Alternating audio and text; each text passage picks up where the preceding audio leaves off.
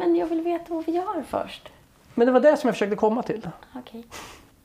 Men, men... Jag vet inte vad vi gör. Jag vet inte vad vi ska göra. Nej, okej. Jag tänkte att vi skulle försöka få ett intro. Ska vi försöka få... Jag vet inte.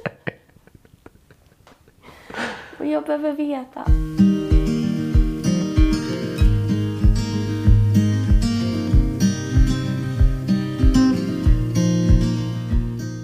Jag tycker att det är skitsvårt. Jag ska försöka vara informativ och sen inte komma in i någon sorts intervjuröst och så ska jag vara rolig samtidigt.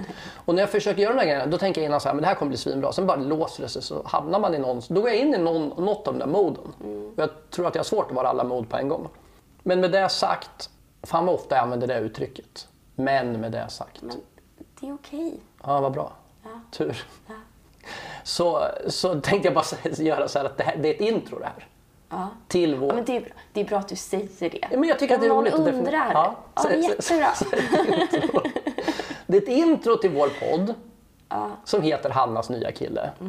För att du är Hanna och envisas med att säga att jag är din nya kille. Ja, det kommer vara så ett tag. Ja. det, och det, det är roligt. Och så är det också en liten blinkning till den gamla krogen Hannas. Fast det är det ju inte. Nej, det är ju faktiskt mitt namn. Ja. Jag har alltid känt lite att jag även ägde Hannas. Di- Dina föräldrar tänker vi döper henne efter liksom ett litet café på Södermalm. Men jag kom långt före kaféet. Är det, men det är väl gammalt, det är väl 70-tal? Hannas källare. Ölhak, källare, café. Jag vet inte, jag tror inte mina, mina föräldrar någonsin var i Stockholm när de var unga. Nej. Vi ska kanske berätta för människor vilka vi är. Och det blev ju så himla svårt. Ja. För att vi har tydligen jättemycket problem. Det här kommer jag ihåg att vi pratade om när vi precis blev ihop. Att så här, hur vi båda är sådana att man inte förstår hur människor alltid kan beskriva sig själva på exakt samma sätt. Hej, jag heter det här och jag bla bla bla bla bla. Typ om man ska presentera sig för nya människor så finns det vissa människor, de bara, de vet exakt vart de ska gå. Mm. De vet exakt vilka de är. Jag gillar golf, nu är vi på golf igen. Jag gillar golf. Eh, Du eh, älskar jag att racka ner på folk som, folk som gillar golf. Det är jag liksom uppskattar att grilla på bakgården. Gissa kön på den här personen. Eh, jag gillar att liksom, kanske ta en av mina egna IPA som jag själv har bryggt och bjuda in några goda vänner på en grillning på, på, liksom, vid mitt radhus. Det, det kan ju precis här, lika gärna vara en kille så som, som ja, men jag tycker om att backpacka och eh, typ eh, åka ut, resa jorden runt eller typ Ja, men vi pratade om det där att vi båda kan vara så här, vem är du? Och då Mm. kan man svara någonting. Och sen så, så svarar man någonting, alltså bara två timmar senare kan svara något helt annat. Men- alltså det här bara, är du impulsiv? Ja. Två timmar senare, nej, absolut inte. Jag är eftertänksam. Alltså det, jag, jag, jag har jättesvårt att typ greppa mig själv i någon slags liten, trycka in mig själv i en liten låda. Jag vet inte. Ibland är jag impulsiv. Ibland är jag inte alls impulsiv. Nej, och nu skulle, jag kunna, nu skulle jag kunna dra eh, den här filosofiska kortet. Vad är en människa egentligen? Ja, men absolut. Men, men det var inte det som jag... Utan jag upplever att jag nu, vid den här punkten i livet, exakt nu. Och jag vet att det kan Äh, bli... vänta, vänta. Du är en skön kille i dina bästa år. Jag vet, och det är det här som är Lagom grejen. tjock. Ja, men i mina Som Karlsson på taket. Alltså jag, jag, är nog, jag är lite smalfet ibland. Men jag är i mina bästa år, absolut. Jag trivs skitbra med att vara i den här åldern. Men en skön kille vet jag inte och det var det jag skulle komma till. För även om jag tycker att jag mår bra vid den här punkten i livet så har jag nog aldrig varit så osäker på vem jag är. Du vet, så här, vem- är jag egentligen? Vad är det som definierar mig? Hela tiden känns det som att man går, riskerar att vara så jävla nära den där pekoralfällan när man pratar om det här ämnet. Men tror du inte att vi människor överhuvudtaget lägger alldeles för mycket tid på att definiera oss själva? Jag är si, jag är så. Ja, men jag tror att det är lite flum. Jag tror inte det spelar så stor roll egentligen. Vilka är ni? Berätta lite om er själva. Jag vet inte vad jag ska säga.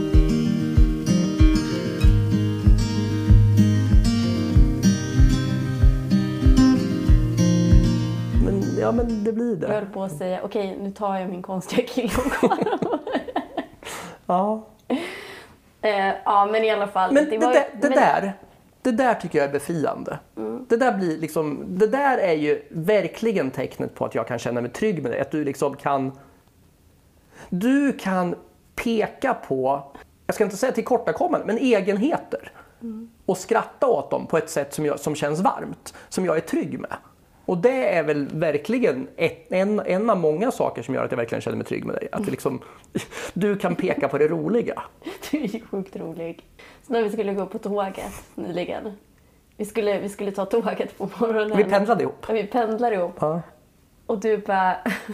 Jag var såhär, vi går lite längre bort. För tåget från Uppsala till Stockholm, liksom, det, är så, det är väldigt långt och går man längre bort så kan man gå kortare när man kommer till Stockholm. Så jag var såhär, vi går längre bort. Och du var så här. Jaha, ja ja, okej då. Ja, men, men där finns det platser, där finns det platser, där finns det platser, där finns det platser. Och så har du Det nog var så här. 20 gånger kanske. Och jag var så här, okej, vi går på nästa vagn. Och sen var du så här uppenbart irriterad över att det inte fanns lika Vi mycket fick, platser sitta, där. vi fick sitta bakom, bredvid varsin... Och grejen så här, vi satt ju bredvid varandra fast det var mittgång emellan. Ja. Så vi satt ju på varsin sida av mittgången. Och det, jag var så jävla... Jag var ju inte arg på dig, men jag var så otroligt ur balans. Jag var så störd av att vi inte satt bredvid varandra. För det det är så- fanns ju platser som jag hade gått förbi. Men det är så här 40 minuter och du bara sover ju hela tiden och jag sitter och jobbar. Så jag är ju så här, jag, jag, jag kan ju nästan känna att jag föredrar att inte liksom bli... Nej, jag känner inte han som sitter där och snarkar. Det är absolut inte någon som jag har med någonting att göra med. Nej, men det dyker ju upp. Jag vet ju det. Får jag gå in, får, får jag gå in på, på ADHD-biten? Ja, men ska vi verkligen prata om det nu? Ska vi inte? Jag tycker vi kan göra det, men är vi klara med att prata om vilka vi är? Har vi sagt vad podden heter? Ja, ja Hannas nya kille. Nu har jag sagt igen om det är så. Ja. Men nu tror jag det har framkommit varför den heter så också. Jag tror liksom att det här är någon sorts... Men vi har inte sagt något om vad vi vill med den.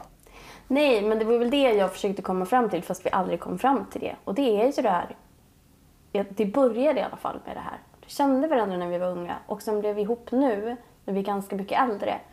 Och livet är ganska annorlunda. Och dels pratade vi om att bli ihop med någon när man är äldre. Ja, men det här med mergea ihop allting. Ja, få ihop allting. Det, det är mycket av de här hatorden som dyker upp här. Mitt i livet, livspusslet, alla sådana ord man inte vill kännas vid. Men det är ju lite sånt skit. Men sen är det ju också det här att vi pratar så mycket om hur det är att vara 22. Eller grejer, skit man gjorde när man var 22. Vi håller ju på att döpa podden ja, till men grejen skit vi gjorde ja. när vi var Och 22. det, det, där, det där, jag tycker så här, de, de arbetsnamnen vi haft på podden Mm. säger ju väldigt mycket om saker vi kommer att prata om i podden. Mm. Det där, jag älskar den andra, skit man gjorde, det var, det var underbart. Det andra som, som var, var väl ful, tuntig och medelålders Mm. också. Och, Det var så stabilt. Ja, men det är också så här, man, man hamnar i de där. Och grejen är så här, jag tycker inte jämt så här, jag är ganska nöjd med mitt utseende.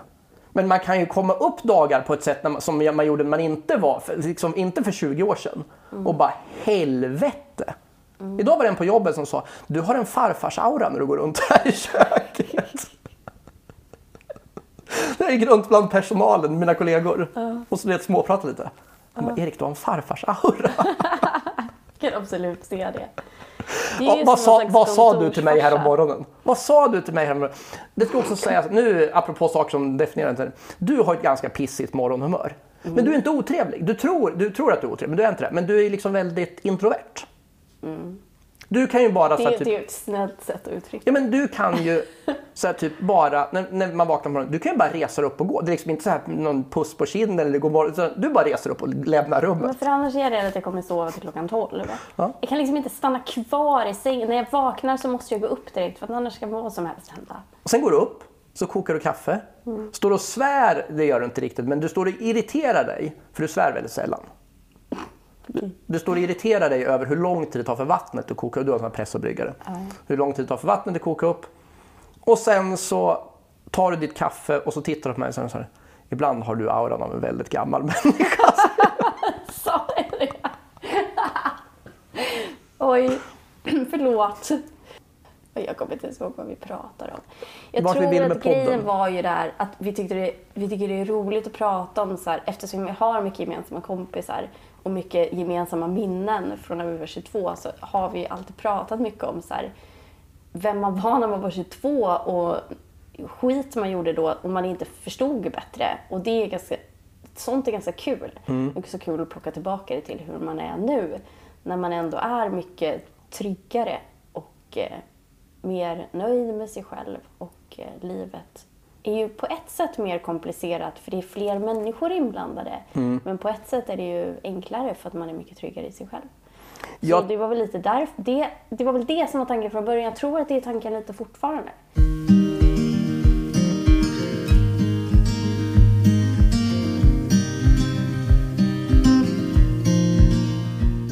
De flesta teorier funkar bäst på killar.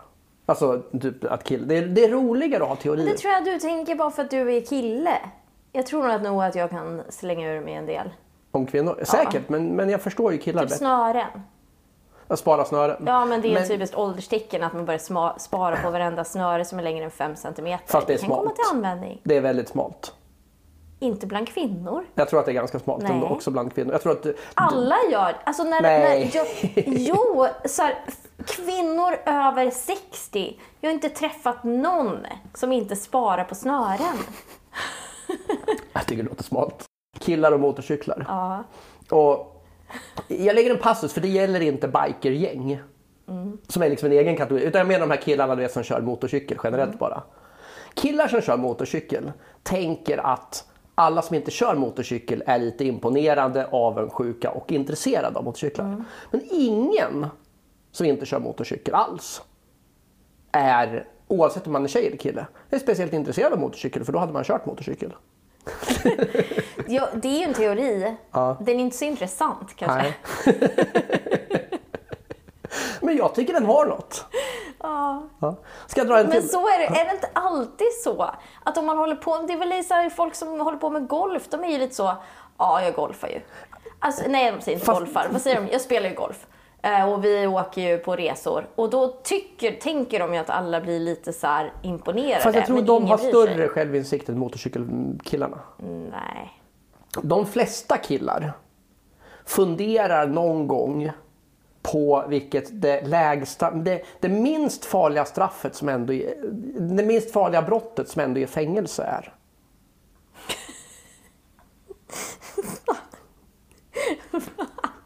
Vadå? Men så här, vad, vad, vad är det mest... Vadå funderar på? Ligger och funderar på? Ja, vad- Typ som när jag inte får kontakt med dig, då är det det du Ja, tänker vad är det mest ofarliga man kan göra som ändå ger fängelse?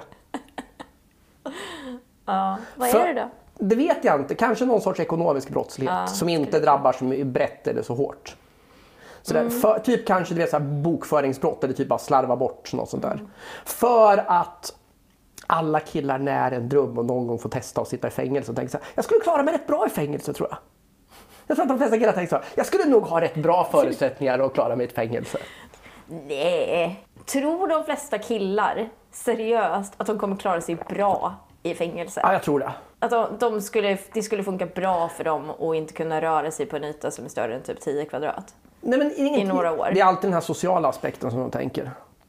Ja, men då tänker de ju typ utifrån så amerikanska fängelser. Ja, det är typ alltid full, Ja. full-blown penalism. Men de gör ju det. Men De tänker inte, de tänker inte någon öppen anstalt, anstalt där de får liksom typ så här dela rastgård eller typ så här, du vet stå och kratta rabatter med Kjell som sitter inne för typ så här rattfylleri. Nej. Det är inte så de tänker. Nej, men jag menar i svenska fängelser är ju typ så. Man har sin lilla TV, man har sitt lilla rum, man Mm. hänger där. Svenska fängelser är ju liksom definitionen av tristess. Det är ju man, man, man, man bestraffar Mm. Vilken anstalt, ju var, människor vilken anstalt var det du satt på nu igen? Har du varit inne på ett fängelse? Nej, jag har bara sett bilder. Du har inte varit utanför heller? Jo, Du har varit utanför ett fängelse? ja. Ja. I Kalmar. Kalmar. Kalmar. För där har de ju fängelset mitt i stan. Ja. De till och med, de höll på och spelade typ någon bollsport. Var det, var det, rack, var, var det en, racket, var det en racketsport? Nej, men typ så kanske fotboll. Du måste ju ha sett skillnad på om det var fotboll eller Men volleyboll. jag kommer inte ihåg. Det är det, det var ett tag sedan. Jag tror de spelar fotboll och så, så här skickar de över bollen av misstag. Alla killar har någonting som tänker så här att de har någon gång tänkt så här, undrar hur jag skulle klara mig i en apokalyps. Och så, tjejer tänker inte alls lika mycket på hur de klarar sig i apokalypsen. Nej, Men det kanske har att göra med hur mycket man tror på liksom... Apokalypsen. Fast det spelar ingen roll heller. Det är ju ingen som, som reellt tänker så här, tänk mig jag ska satsa på att komma in i fängelse. Det är ingen som tänker, utan killar gillar att fantisera.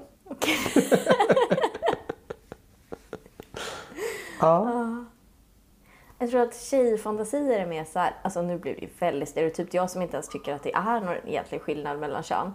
Men jag tror Rörmo- att tjej- Rörmokaren ringer på dörren. Ja, den. Men nu pratar vi inte sådana fantasier. Det är väl ändå inte det du pratar om när du pratar om så här, jag tror jag klarar mig ganska bra i fängelse. nu pratar vi en helt annan typ av fantasi. När Larry tappar tvålen. Nej, men jag menar ju så här, tjejfantasier är ju mer typ så här eh, att man tänker att man så här, åh, när jag ska, jag ska gå på den där schyssta restaurangen eller den där festen, då ska jag ha det här på mig, så ska jag fixa håret så, ska jag fixa sminket så, så kommer jag vara skitsnygg och alla kommer tycka, gud vad du är snygg. Det är mer så tjejer fantiserar. Men det är väl ingen fantasi, det är väl bara att göra. Sen kanske de inte blir så snygga som de tror. Men det är ju Nej, det är ju just kanske och, ah, omgivningens respons, det bara går en sån ett liksom, sus. ett sus genom Ja. alla vänder sig om. Fast det där har man lite som kill också. När man tänker, speciellt vi som har kommit upp lite i ålder. Tänker ofta att vi är lite du vet, så här swag när vi glider in någonstans. Bara, jag drar upp en knapp till i skjortan när jag glider in i den här lokalen. Och så tänker man så här, nu kommer det att vändas huvuden här när jag kommer in. Det gör det aldrig. Men Du sa ju att du ville prata om åldrande. Ja. Tycker det är intressant med det här programmet vi har tittat på. Hotellromantik. Ja! Men vi var ju inne på SVT. Jag sa så här, åh det här har jag hört om. De pratar om det på Mm. radion. Så jag var så här, jag tror att jag ändå måste få se några minuter för att se vad alla pratar om. Och jag var lite raljerande i början. Ja, du var ju- blev lite så, lite tyst och lite bara, ja visst, visst. Men sen är man ju bara, den tar ju bort alla, alla försvarsbarriärer. Alltså nu utgår vi ifrån att alla har sett då. den här serien. Ja, nej, men- ska berätta. Det är alltså 65-plussare som... Det är liksom Love Island för 65-plussare kan Ja. man säga. Fast chansen att träffa någon, det är ju grundbulten i typ nästan alla sådana där realityserier. Det är det här också. Ja. Men det är alla som är med är över 65 och det i sig gör ju att det blir helt andra vibbar. Jo, men det är så långt från till exempel Fuckboy Island som du kan komma Mm. liksom. Eller Paradise Hotel eller något sånt där. några av dem är ändå lite... Några av dem är fuckboy, fuckboys, det är ju en annan sak. men det är ju inte programmet. Nej, så. nej, nej. Eh, det är i alla fall fint. Och det handlar ju verkligen inte bara om det här att bli kär eller träffa någon. Det handlar ju överhuvudtaget om så hur bara mycket det är ju väldigt mycket mer roligt och intressant att titta på människor som kanske har levt ett liv och har lite att säga. Till skillnad från de här 25-åringarna som bara bryr sig om hur de ser ut i en bikini. Liksom. Ja, och sen just den här grejen att, ja men precis, prata om, de pratar ju om det här med åldrande. Mm. Så här, hur är det liksom, så här, hur ser man på sin kropp när man, liksom, när man faktiskt börjar, inte förfalla ska jag säga, utan typ när kroppen börjar faktiskt drastiskt förändras utseendemässigt. Jag gillar att de är så här. Det, det är non-issue.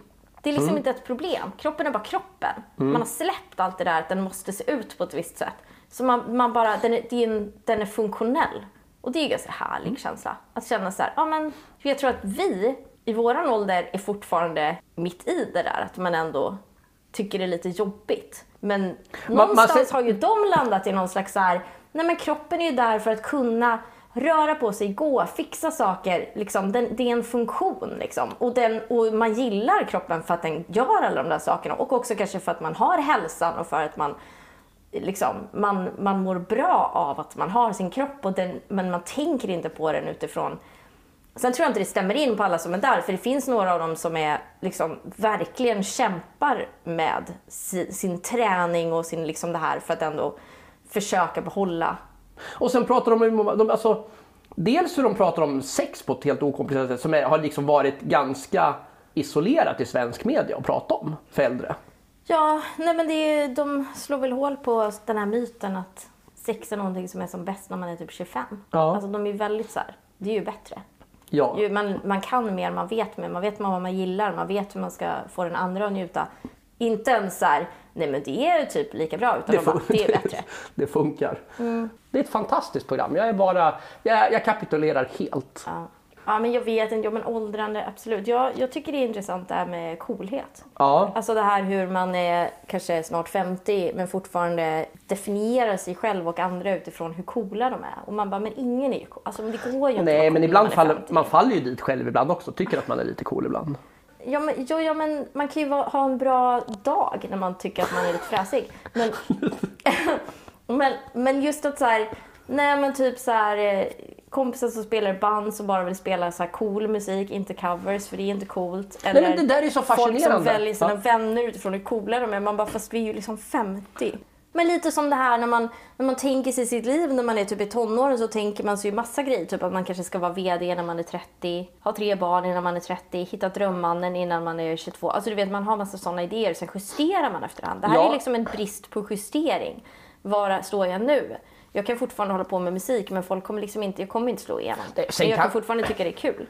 Alltså det är ju som att de här flashiga jobben man typ kanske tänkte att man ville ha när man var ung. Nu jobbar man ju kanske med något helt annat och insett att det är också jättekul.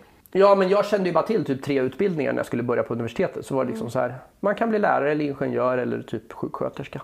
Och då var det bara lärare som passade mig. Smal, smal värld du levde i. Men du, du hade ju din teori om att fastna i ett utseende. Ja men i sitt utseende men typ så sin stil. Typ att väldigt många människor verkar fastna i någon stil som jag tror är baserat på när man mår väldigt bra i livet. Alltså när man kanske har sin peak lite grann. Man, och det kan ju vara när man är 16 eller så kan det vara när man är över 30 eller över 40. Men att när, när man är där så har man en tendens att liksom cementera sin stil och sen var man liksom coolast när man var 16, coolast på skolan och alla visste vem man var, då kanske man fastnar i sina Levi's 501 och resten av livet. Liksom. Det där med, och liksom frisyren och sådär, att man liksom håller fast vid. Ganska få människor som utvecklar sin stil genom hela livet. Det handlar ju också om justeringar, därför att en frisyr som är jättefin när du är 20 är troligtvis inte särskilt fin när du är 45 eller 50. För att du har andra förutsättningar. Det handlar ju inte om Ja. att modet har förändrats, det handlar om att du har andra förutsättningar. Modet har ju också förändrats. Jo, men du kan, tycka, du kan ju fortfarande tycka den är fin. Ja, men man ser ju inte likadan ut. Nej. Eh, håret är inte likadant. Även så här, både män och kvinnor får ju förändra det liksom. Ja, men hårfästet flyttar ju på sig. Eh, Jo tack, liksom jo tack. Jag vet. Men håret runt ansiktet blir ofta tunnare med åren oavsett om man är man eller kvinna till exempel. Så man kan liksom, det där liksom långa liksom håret i mittbena som, man, som var jättefint när man var 20, man kanske var jättefin i det, funkar ju inte du är 50. Det är så jäkla intressant. Jag höll på att traggla i några band. Kopiöst dålig på att spela. Jag vet. Höll- Kopiöst dålig på att spela. Jag kunde inte spela alls. Men jag var ändå på att traggla i några band. Och precis som alla andra, oavsett om man kunde spela inte, så var ju drömmen att slå igenom vid någon punkt. Parallellt med det så har jag kollat på eh, stand-up sen jag var typ 17-18. Sen eh, Slängde i brunnen började sändas typ i början av 90-talet. Och det konstiga här för mig, jag har alltid tyckt liksom om humor och vara rolig och så. Men det slog mig, anledningen till, nu började jag köra stand-up för tre år sedan och står på en scen på ett helt annat sätt än vad jag trodde jag skulle göra. Jag ska inte säga att jag har slagit igenom, men jag får ändå stå på scen regelbundet inför publik. Vilket är gu- verkligen good enough för mig. Tänker du fortfarande att du kommer slå igenom? Nej. Att du kanske kommer Nej, slå igenom? nej, nej. Hoppas du på det? Nej. nej. Jag lever nu för att min, min, min drivkraft är att bli bättre. Alltså för min egen skull. Att jag vill så här, tänker så här, men jag kan göra bättre än så här. Men det spelar ingen roll om jag liksom får en större publik eller större scener eller så. Jag vill bara få göra det här. Men det intressanta är att anledningen... och det var mycket svårare att börja med stand-up typ när jag var 17-18. Det är ju få som har hållit på så länge. Det är ju typ Babben och Lenny Norman och några till. Och sen typ i slutet av 90-talet kom Magnus Bettner, Johan Glans, David Batra, det där gänget när, man- när, när, I början av 90-talet var det jättesvårt. Det fanns ju bara två, tre scener i hela Sverige att köra på. Så det är klart, liksom, det var jättesvårt att få sentid. Men det, kon, det konstiga är att det var inte så att jag då gick och närde en dröm om så här, åh jag vill börja men det går inte. Utan det fanns aldrig på min karta att tänka så här, det där kan jag också göra. Inte lika bra såklart, inte så här, typ någon sorts David Brent-grej. Jag är lika, utan jag, alltså det, det finns ju inget som hindrar mig. Det finns ju scener på vilken skola som helst. Jag kan ju gå upp på typ roliga timmen eller jag kan gå upp så här, i teorin. Vem Men som- vänta nu, du sa ju att du var 17, alltså man slutar väl ändå med roliga timmen innan man är typ 17? Ja, ja, men säg så här då. Men du menar att du skulle gå till en lågstadieklass och ställa sig på deras olika timmar? Det är bara, det är bara creep. Nej, jag menar så här. Om du är ett gäng personer, du skulle i princip kunna gå till din, di- till din klassföreståndare och bara säga så här. Om vi har någonting, jag tänker bara, eller en fest eller vad fan som helst. Eller teatersällskap. Du har ju så här, vi, hade, vi hade teater som fria aktiviteter.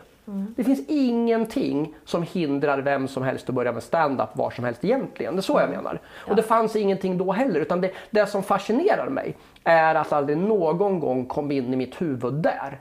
Men jag kan ju också göra det här. Sen senare så höll det mig tillbaka. Så jag började säkert några år senare. En, alltså det tog ju en, en period från att jag tänkte att jag skulle vilja testa stand-up tills jag faktiskt gjorde det. Det är ju en period. Men den perioden har ju inte varit sedan 92. Jag var en stand-up fanboy sedan 92. Men det konstiga är att idén att själv köra aldrig har fötts eftersom jag tycker om uppmärksamhet och jag tycker om humor. Så min fråga är, jag vet inte var, var, varför föds inte idén, jag kan också göra det här. Varför realiserar man inte det där? Ja, men jag var inte fan- redo för det. Alltså ibland... men jag tror att jag var, jag tror att jag hade behövt det. Jag kunde ju ställa mig på, jag kunde ju ställa mig på en scen med ett rockband fast jag inte kunde spela. Det är ju liksom, det är liksom en slakt av självbevarelsedriften på något sätt. Men jag tror att det bara är sådär. Vissa saker bara kommer man på senare.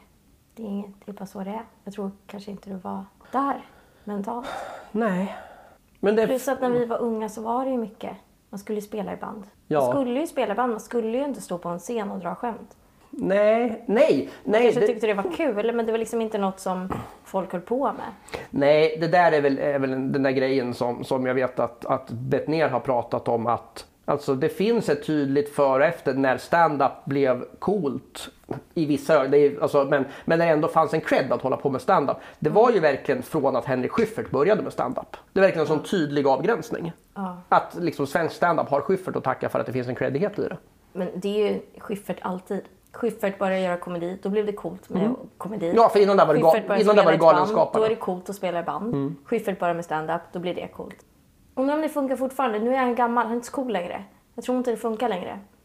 Men du, om jag får test, fortsätta testa den där coolhetsgrejen internationellt. Mm. Var Elvis cool? Skapade han en coolhetsgrej hos ungdomar? Vad sexig. Mer än cool? Ja. Men Bowie då? Bowie var... Cool. Jag tänker. Han var ju... Ja, han var nog cool. Det är den som jag... Så om man ska ta någon motsvarighet till Schyffert internationellt. Jag tänker inte, inga övriga jämförelser. Men som liksom, du vet, så här, typ, om man kan se något, om man kan ha en punkt vid en person. Före och efter där det finns någon sorts coolhetsgrej. Mm, Men jag såg ju den här dokumentären... Nu, nu kommer det bli så flummigt för jag kommer inte ihåg vad den hette. Nej. Men den handlade ju om en klubb i London eh, som var typ på 80-talet tror jag. Ja. Som där, som liksom, det var väldigt mycket så designer, alltså de var alla som hängde där var typ 21-22 men många av dem har blivit etablerade designers eh, och- Spandau Ballet. Men den fanns bara ett och ett halvt år Ja. och den drevs av väldigt unga människor också. Men i alla fall, de, det, jag såg den här dokumentären och då var det Bowie, tror jag, som, de, som kom dit och han, den coola, coola, coola killen som, stod, som var en av dem som hade startat det, som satt i dörren, släppte inte in honom. Så de tyckte uppenbarligen inte att han var nog cool. Alla som var där inne blev ju helt tokiga. Och sen var de så här, vad hände? Han bara, "Jag släppte inte in honom. Bara en 21-åring tänker så. ja, men- han, han har ju inte rätt kläder. Det är så intressant att vissa grejer formas kring du vet, så små kulturella nav. Det är som du vet hela punkscenen och eh, new wave-scenen i New York. Som verkligen formades kring klubben CBGB. Där du vet Ramones, Blondie, eh, hela det gänget. Liksom, Talking Heads. Alla de där var, var... Velvet Underground kom dit sen och så. Att liksom, Men hängde inte Andy Warhol där typ jämt? Jo, exakt. Ja, var det. det är så fascinerande liksom att de kommer liksom att... Det, på något sätt så kreativitet liksom föder väl kreativitet tänker jag. Ja, men det finns ju så här inom typ ekonomisk geografi så pratar man ju om så här kluster. Eh, att det finns liksom en typ klassiskt exempel är typ Silicon Valley. Alltså man ska inte tänka så här, ja ah, men det är redan för många av som, som gör det här här. Vi borde göra det någon annanstans. Utan snarare vara så här, det, men som ett band. Startar det ett eller två band då kommer det ofta flera band och däremellan utvecklas det liksom en, en kultur som får de här banden att liksom utvecklas snabbare Men du- än de hade gjort om de hade levt i ett vakuum. Men- och det, det är samma sak som i Silicon Valley, att den här, liksom, det här att människor pratar med varandra, umgås socialt, börjar prata om lösningar, sitter på en fest kanske, är så att du borde göra någonting med oss. Det är det som skapar den här liksom, accelererade, det är därför man skapar ju såna här företags... ehm, hubbar, försöker som ska, inkubatorer Ja. och man försöker skapa den miljön. Men det är ganska svårt att skapa den, den behöver, behöver nästan hända liksom organiskt. Man kan, öppna, man kan starta forum och möjligheter och där kan en inkubator vara bra. Liksom, eller så här, en, finns det ett ställe som bara här, är, här kan man komma in och man kan ha liksom det finns billiga lokaler eller typ Fryshuset i Stockholm. Liksom, där här är en kreativ yta där unga människor kan vara. Då kan man som skapa förutsättningarna. Men man kan liksom inte, man kan inte få det att hända. Då har man liksom lämnat förutsättningarna. Men den här kreativa processen, det handlar ju om vilka människor som Ja, hamnar det måste, där. det måste finnas ett driv också. Ja, men titta till exempel på det svenska musikundret, alltså vår musikexport. Det kommer ju från Chevron-studion. Ja. Typ, och där är det ju verkligen typ ett gäng liksom, människor som lärde känna varandra och de gjorde allting själva. Man behöver inte alltid ha de här yttre förutsättningarna. Hitta en billig lokal och dra igång eller vara hemma hos någon. och dra- Det är liksom inte, det är egentligen of, sällan liksom hindret. Utan det där händer, det, det är liksom som en egen driv och när man träffar andra människor som har samma driv och man liksom hjälper varandra. Men, men det som är viktigt, det är ju att se det här att man, att, med samarbete. Vi gör det tillsammans, vi får varandra att växa. Det här att peppa varandra, att stötta varandra, att inte se andra som konkurrenter utan se andra som möjliggörare och samarbetspartners. Det är det som är det intressanta i hela klustergrejen. Så det blir ju vissa platser där man blir väldigt bra på någonting. Och det är ju för att man samarbetar och inte ser det som att ah, men ni, vi är konkurrenter så jag tänker inte prata med dig. Utan man snarare bara, vi kanske kan göra något tillsammans. Men tror du inte att det, det, det om jag backar, backar lite här. Mm. Tror du inte att det, apropå det här du vet, som jag pratade om med att jag inte liksom började med någonting i Fällingsbro. Det är så få komiker i Sverige. Som, Mm. som kom- bor i Fällingsbro. Ja, men som bor i på små... Ja, nästan nej, men, ingen. nej, men som bor i små orter, det är så jag menar. Liksom, ko, ja, men de, de kommer ju, precis som du pratade om, det är ju liksom så här kreativa hubbar. De kommer ju från storstäderna för att de träffar andra komiker. Det är ju inte, för Mm. att, de- det är inte generellt sett, utan de komiker som är från, från småstäder, de har ju flyttat dit och börjat där. De har ju börjat först när de kommer därifrån. Ja. Och liksom samlas, nästan, liksom nästan alla stora komiker eller typ bra komiker som liksom har liksom, sin, sin grund från Göteborg, Stockholm eller Malmö. Med vissa undantag, men alltså 90% har ju någon av de där tre. Men liksom. sen räcker det inte bara med att komma till en storstad. Det är så här, det du glömmer, tror jag, när du pratar om så här, när du var ung och, varför, och du var intresserad, du tyckte standup var kul, varför kommer du inte på att testa det? När kom du på att testa det? Det var ju när du hade lärt känna människor som höll på med standup. Ja. Då kom du på att, men jag kan ju också göra det här. Så det handlar ju så himla mycket om att träffa människor som håller på med någonting.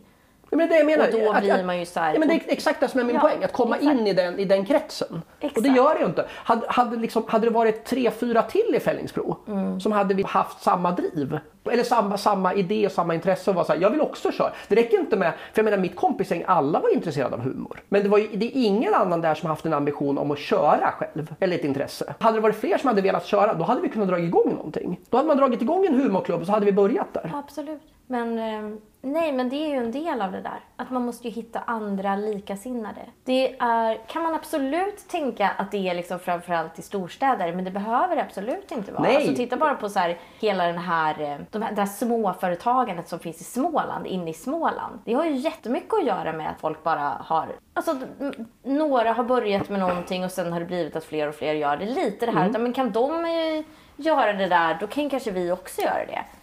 Men du, jag kan, ju, jag kan ju tycka det är kul med de där människorna som bara så här, typ, ger allting för någonting som bara säger nej men nu har jag gjort det, nu är jag klar med det. Vet, nu går jag vidare. Det finns en simmare, fanns en simmare som heter Gunnar Larsson. Han, är det här tråkigt? Ja. Okej, ska vi släppa den? Ska jag skippa den anekdoten helt? Jag vet inte hur du ska säga ju. Det fanns en simmare som hette Gunnar Larsson. Är det här en tråkig anekdot?